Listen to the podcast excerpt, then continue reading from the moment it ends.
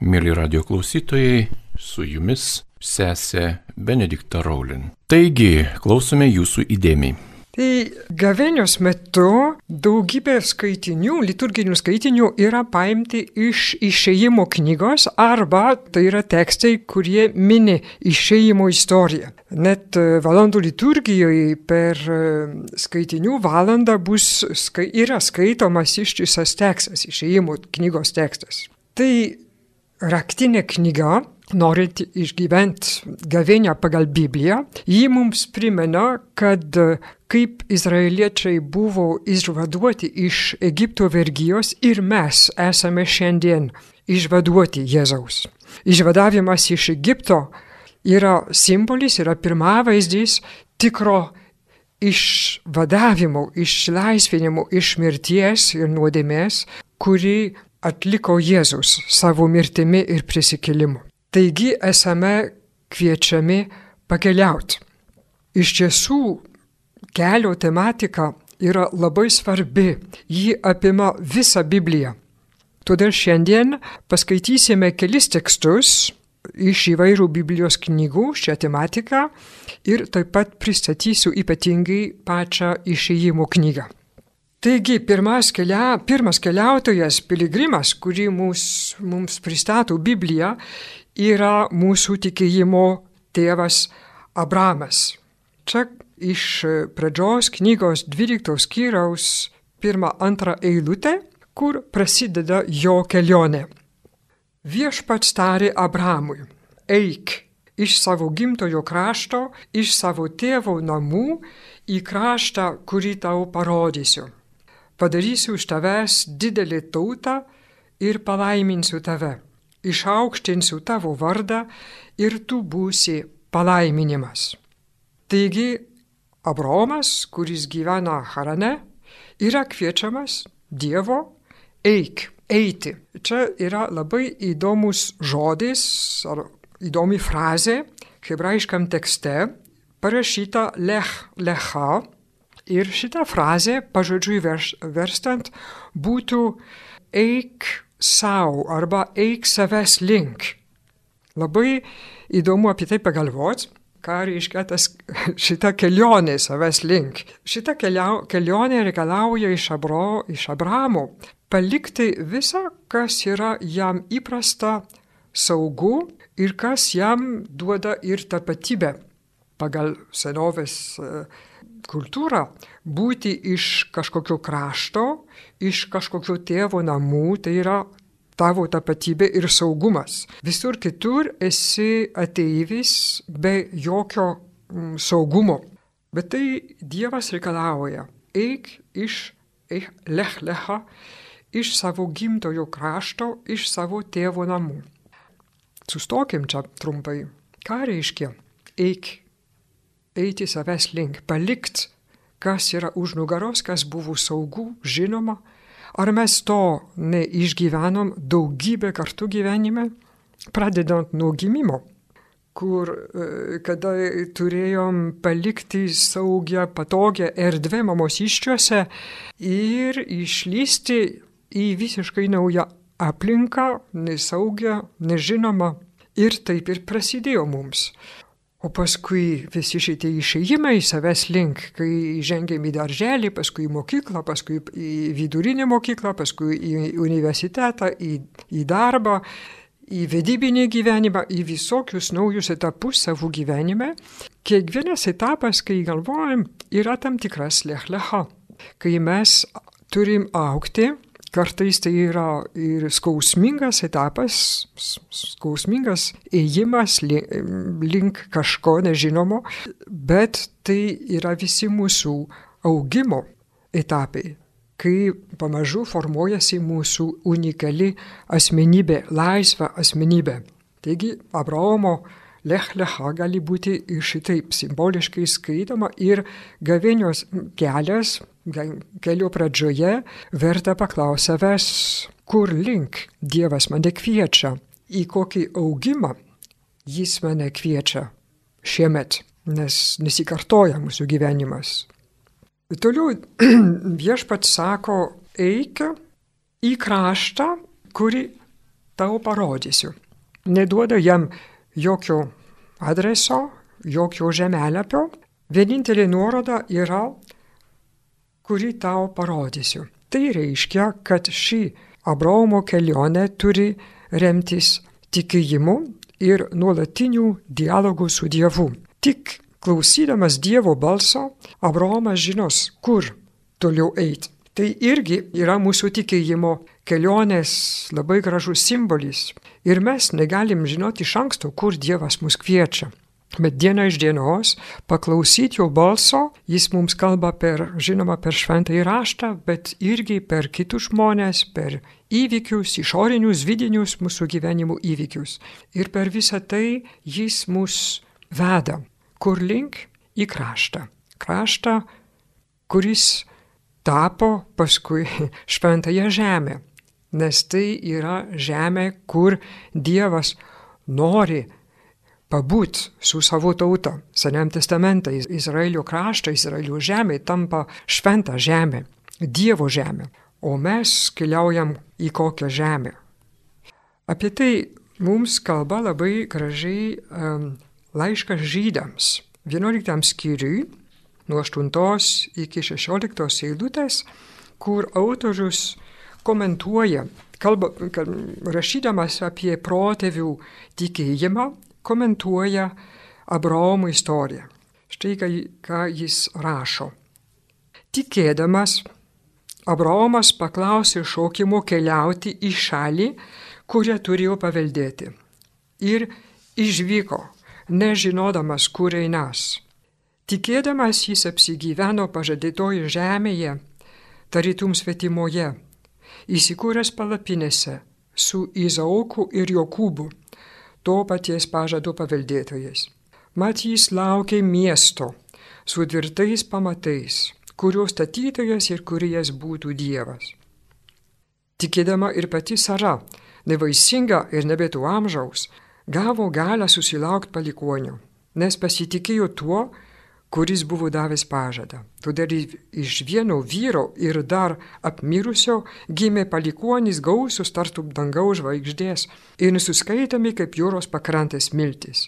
Jie visi mirė, tvirtai tikėdami, dar negavę pažadytųjų dalykų, tik iš tolo juos regėdami, sveikindami ir išpažindami, jog jie žemėje yra svečiai ir ateiviai.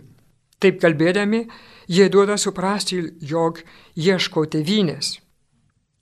Jeigu jie būtų minėję aną, iš kurios iškeliavo, jie būtų turėję laiko sugrįžti atgal, bet dabar jie troško geresnės tevinės, tai yra dangiškos. Todėl nėra Dievui negarbės vadintis jų dievų. Jis prirengė jiems miestą. Norėčiau pabraukti vieną kitą dalyką iš to nuostabaus, nuostabaus teksto. Vienas dalykas Abraomas remiasi Dievo pažadų. Mm, Dievas yra ištikimas. Jeigu kelionė mums, mus baugina, esame kviečiami pasitikėti tuo, kuris kviečia. Kitas dalykas, ką yra parašyta apie Sarą. Sara dalyvauja savo vyro kelionėje, tikėjimo kelionėje ir jį nevaisinga gavo galę susilaikti palikoniu nes pasitikėjo.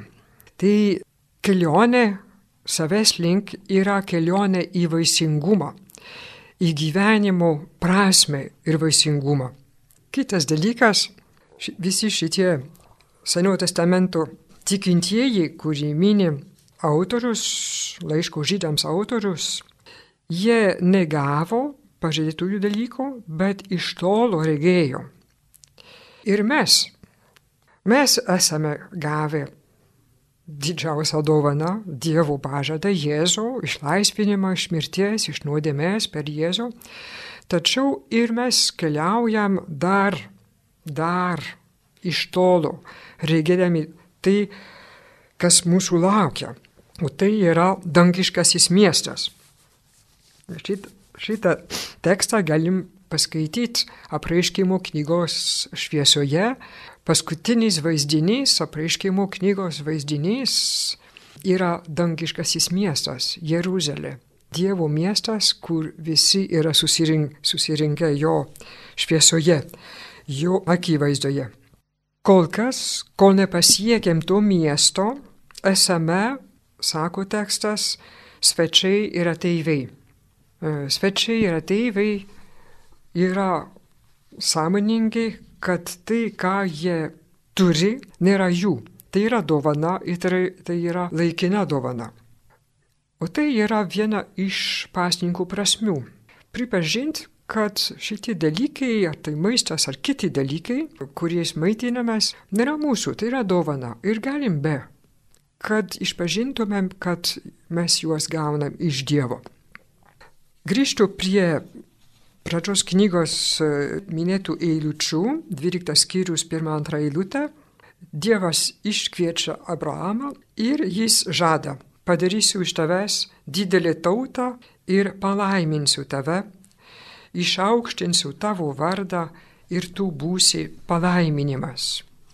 Nuostabus e, pažadas, aš laiminu tave ir tu pats tapsi palaiminimu kitiems, kas irgi yra mūsų kaip krikščionių pašaukimas. Šventasis Petras savo laiškė sako, palaiminkite, nes esate tam pašaukti. Gerai, tai baigiu su šituo tekstu, e, lieku vieną klausimą, kokie arba kokios yra mano lechlecha patirtis, patirtis gyvenime ir kokia yra mano lechlecha šiandien pradedant gavėnią. Abraomas piligrimas. Kelio ir tematika vėl iškyla tolimesniai knygoje, po pradžios knygos yra išėjimo knyga. Tai yra šitos knygos pagrindinė tema. Dabar sustosiu ties tos tą knygą ir truputį pabandysiu jums paaiškinti, kaip jinai yra parašyta, ko, ko, kokie yra jos matmenys. Keista knyga, kai pradedam skaityti, yra pasakojimai, kurie yra įdomus, daug kas vyksta, yra irgi tekstų, kurie mums gal yra šiek tiek sausesnė, pavyzdžiui, e, įstatymas, dekalogas ir kiti įstatymai ir dar gal sausesnė yra e, sausesni tekst, tekstai apie šventiklą kai Dievas ant kalno rodo Mozei, kokia turi būti jo šventikla ir paskui vėliau yra pati, pati šventikla, susitikimo palapinė yra įrengta su visom detalėm.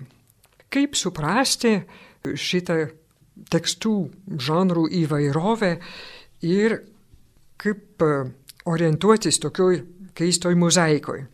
Knygos sandara gali būti suprantama šitaip. Pirmoji dalis knygos, kuri vyksta labiausiai Egipte, mums kalba apie išlaisvinimą.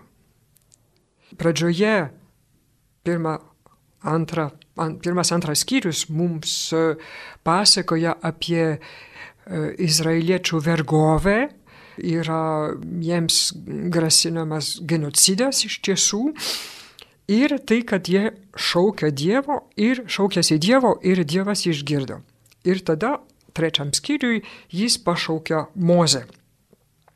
Tame pašaukime yra ypatinga, ypatingai įdomi detalė. Kai e, Dievas sako Mozei, tu vesk mano tautą iš, iš Egipto ir Mozė sako, oi, negaliu, negaliu, Dievo atsako, aš būsiu su tavim. Ir čia yra išeimo knyga, e, trečias skyrius, dvylikta eilutė. Jis tarė, Dievas tarė, aš būsiu su tavim ir tai bus tau ženklas, kad aš tave siunčiau, kai būsi išvedęs tautą iš Egipto, jūs tarnausite Dievui prie šio kalno. Tai reiškia, kad pirmas veiksmas, kurį turi atlikti Izraelitai išėję iš Egipto, yra pradėti kelionę ir tos kelionės pirmas etapas, pirmas sustojimas, pirmas tikslas yra kalnas. Tas kalnas, kur Dievas dabar susitiko su Moze, kur Moze gavo praaiškimą, jie turi sugrįžti į tą vietą, tai yra pasimatymas, kam jūs tarnausite Dievui prie šio kalno. Pirmas veiksmas, išlaisvintos tautos veiksmas bus tarnauti Dievui, garbinti Dievą. Įdomus dalykas. Ar tai su, taip suprantam?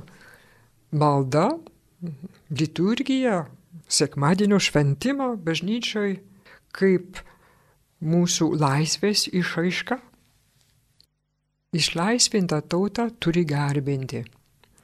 Asmeniškai kartais galvoju apie tai, kai keliauju į bažnyčią, šališkių bažnyčią, sekmadienį ryte ir matau, kad ištisa mašinų srautą keliauja kitą kryptimį nuo manęs į Akropolį.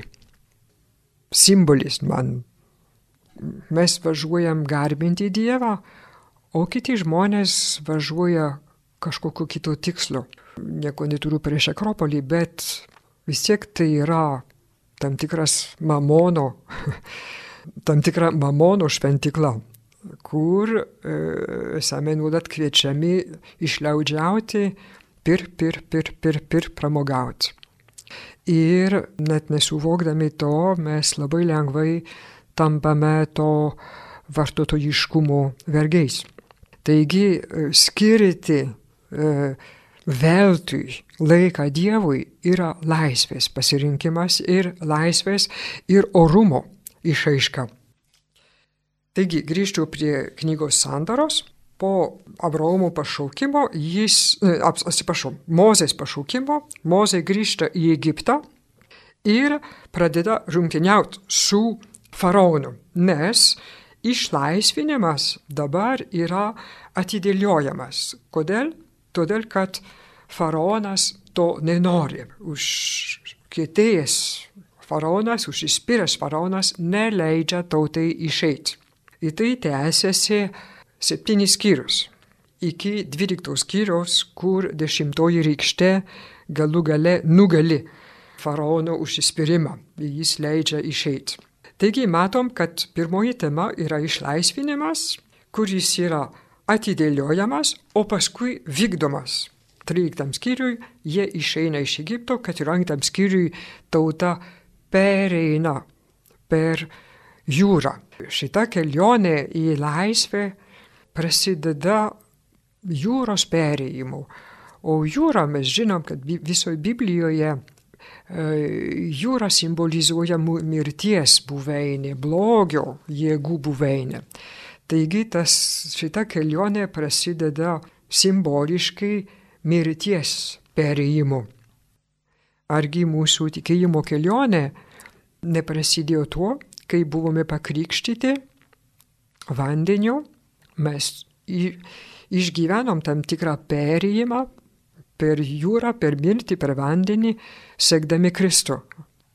Krikštas yra vienas iš pagrindinių motyvų, gavėnios motyvų šiemet, šiemet A metai mums leis, liturgija mums leis skaityti įvairias evangelijos, kurios visos yra krikšto tematika, pasirengimas krikštui ir per Velyknaktį švesime krikštą, kitų žmonių krikštą ir atnaujinsime savo krikšto pažadus ir džiaugsmą. Taigi, išlaisvinimas yra vykdomas ir tauta pradeda savo kelionę per dykumą. Čia atsiranda naujų kliučių. Visų pirma, e, šitas kliūtis yra paties tautos problema. Paties, atsiprašau. Šitos kliūtis yra dėl pačios tautos nuodėmingumo.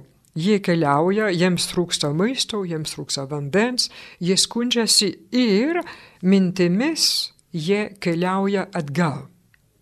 Tikėjimo kelionė nėra lengva. Yra daug pagundų grįžti atgal, kad ir mintimis, kaip izraelitai. Jie netiki, kad Dievas gali juos vesti per tokią dykumą. Kita kliūtis yra iš išorės, juos puola Amelekas. 17 skyriui labai įdomus pasakojimas, kai Amelekas kovoja su Izraeliu ir kad Izraelitai būtų nugalėtojai, reikėjo vieno dalyko - kad Moze iškeltų savo rankas. Yra toks labai gražus vaizdinys. Mozės e, iškeštom rankom melžiasi ant kalno, kuomet Izraelitai kovoja lygumoj. Ir kai jis iškelia rankas, Izraelis laimi. Labai seniai šitas e, vaizdinys yra simboli, simboliškai pristatomas e, bažnyčios tėvų, dikumos tėvų, tėvų kaip tos dvi iškeltos rankos simbolizuoja maldą ir pasninką. Du ginklai, kuriuos turim naudoti gavėnios kelionės metu. Taigi e, kelionė tęsiasi ir šitos maldos ir pasninko dėka, Mozės maldos dėka. Paskui kelionė sustoja ir kai e, izraelitai pasiekia Sinajus kalną, kalną ir čia vyksta sandora. Išlaisvinta tauta tampa šventa kunigiška Dievo tauta. Penki skyriai mums aprašo šitą įvykį, yra pasiruošimai, paskui pats e, Dievo pasirodymas, apsireiškimas ant kalno, kuomet jis sudaro tautą su, su e, sandorą su tauta ir, ta, ir tauta priima sako, mes vykdysim visą, ką Dievas nori, busime ištikimi. Ir Mozė lipa ant kalno virš, viršūnės ir ten išbūna klausydamas, priimdamas Dievo įstatymą. Ir tada knygos tematika keičiasi ir pagrindinė tema tampa garbinimas. Dievas kviečia garbinti ant Sinaus kalno viršūnės Mozės gauna iš Dievo, tai aprašoma 25 iki 31 skyriaus, jis gauna tarsi šventovės projektą. Dievas jam sako visą, ką jie turi atlikti, kad būtų būtent ta šventa kunigiška tauta, kuri tinkamai garbina Dievą. Garbinamas, garbinimas, pranašaujamas, kviečiamas, bet jis yra atidėliojamas ir vėl atsiranda kliūtis, kliūtis dėl tautos netikėjimo. Kuomet e, Mozė yra ant kalno, tauta nerimauja. Yra vadinamas varinio ar aukso veršio garbinimo epizodas, apie kurį skait, skaitom 32, 3, 4 skyriui. Tauta nekantrauja, nebetiki, nes nemato to Dievo. Dievas, e, santoros Dievas, Izraelio Dievas yra Dievas, kuris kalba, bet jis lieka nematomas, ne kaip stabai. Jiems reikia kažką, kažko, kas būtų matoma, kas būtų apčiopama ir jie pasidaro šitą veršį. Tuo jie dar kartą grįžta atgal į Egiptą, į stabmeldystę į netikėjimą, į netikrą Dievo įvaizdį. Dievas jiems atleidžia ir dar iš arčiau apsireiškia Mozei, tai kviečiu paskaityti šitos nuostabius skyrius nuo 32 iki 34. Tai labai labai gražiai parašyta apie Mozę susitikimą, kitą e, artimą susitikimą su, su Dievu. Ir pagaliau garbinimas yra vykdomas, nes Dievas atleidžia tautai ir Mozė gali pastatyti šitą šventiklą, susitikimo palapinę, kur vyksta kultas, į kurį Izraelitai buvo kviečiami. Dievas simboliškai nužengia ant susitikimo palapinės debesimi ir viešpaties šlovė pripildo padangtę. Ir šitaip knyga baigėsi. Tos vaizdinys yra padangti, Dievas yra joje ir Dievas e, veda, lydi tautą. Paskutinė eilutė yra šitoji. Dieną virš padangtais buvo matyti viešpaties debesys, o naktį viso Izraelio namų akivaizdoje, kiekvienoje jų kelionės sustojimo vietoje ten būdavo ugnis. Tai tokia yra išėjimo knyga apie išlaisvinimą ir apie garbinimą. Ir jį, e, su ją mes neturim išėjimo istorijos pabaigos, daugiau epizodų yra skaičių knygoje, bet e, esmė buvo jau pasakyta išėjimo knygoje. Ta kelionė per dykumą baigsis, kai Jozuė, Mozės įpėdinis, pereis Jordano upę, dar kartą tas simbolinis vandens perėjimas, o tas pasakojimas yra Jozuės knygoje jau trečiam skyriui. Šita kelionė per dykumą, kelionė į laisvę, kelionė į tikrą buvimą Dievo tauta iš, išlaisvinta yra tokia svarbi, kad ji yra Izraelio tautos tikėjimo pamatas ir nuolat ji yra piminama kitose Seniojo testamento knygose ir irgi minima dažnai Naujam testamente kaip e, Kristaus Velykinio simbolio pirmavaizdis. Dabar aš paskaitysiu vieną knygą, e, tekstą iš pakartoto įstatymo knygą, kur vėl turim kelio tematiką ir jūs atpažinsite žinomų, žinomas frazes. Įstatymo knyga aštuntas skyrius, antra eilutė. Atsimink, tą ilgą kelią, kuriuo tave vedė viešpats tavo Dievas per tuos keturiasdešimt metų dykumoje, įdant padarytų tave nuolankų, bandydamas sužinoti, kas buvo tavo širdyje, ar tu laikysiesi jo įsakymų ar ne. Jis darė tave nuolankų, leisdamas tavo palikti, paskui maitindamas tave mana kurios nei jūs, nei jūsų protėviai nežinojote. Įdant tave pamokytų, kad žmogus yra gyvas ne viena duona, bet kad žmogus gyvena kiekvienu žodžiu, išeinančiu iš viešpaties lūpų.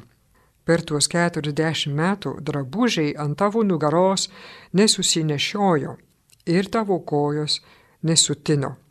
Žinok tad savo širdyje, kad viešpats tavo Dievas baudžia tave, kaip žmogus, kad baudžia savo sūnų.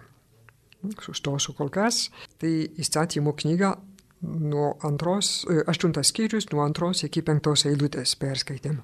Pirmas veiksmažodis, kvietimas yra atsimink tą ilgą kelią. Kodėl atsimink? Todėl, kad tai yra tavo tikėjimo pamatas pakartotų įstatymų knyga buvo parašyta gerokai vėliau negu išėjimų įvykių. Tikriausiai jos paskutinis redagavimas datuojamas apie 6-5 šimtmečiui prieš Kristų.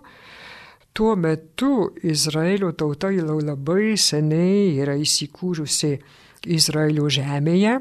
Tikriausiai pamiršusi, kad tai yra dovana e, ir dažnai pamiršusi savo Dievą gyvena tam tikram patogume, saugume ir užmiešta, kad visa tai yra Dievo dovana. Todėl tie, kurie parašė pakartoto įstatymų knygą, pranašų įkvėpti, rašo primiktinai, kviečia primiktinai atsiminti.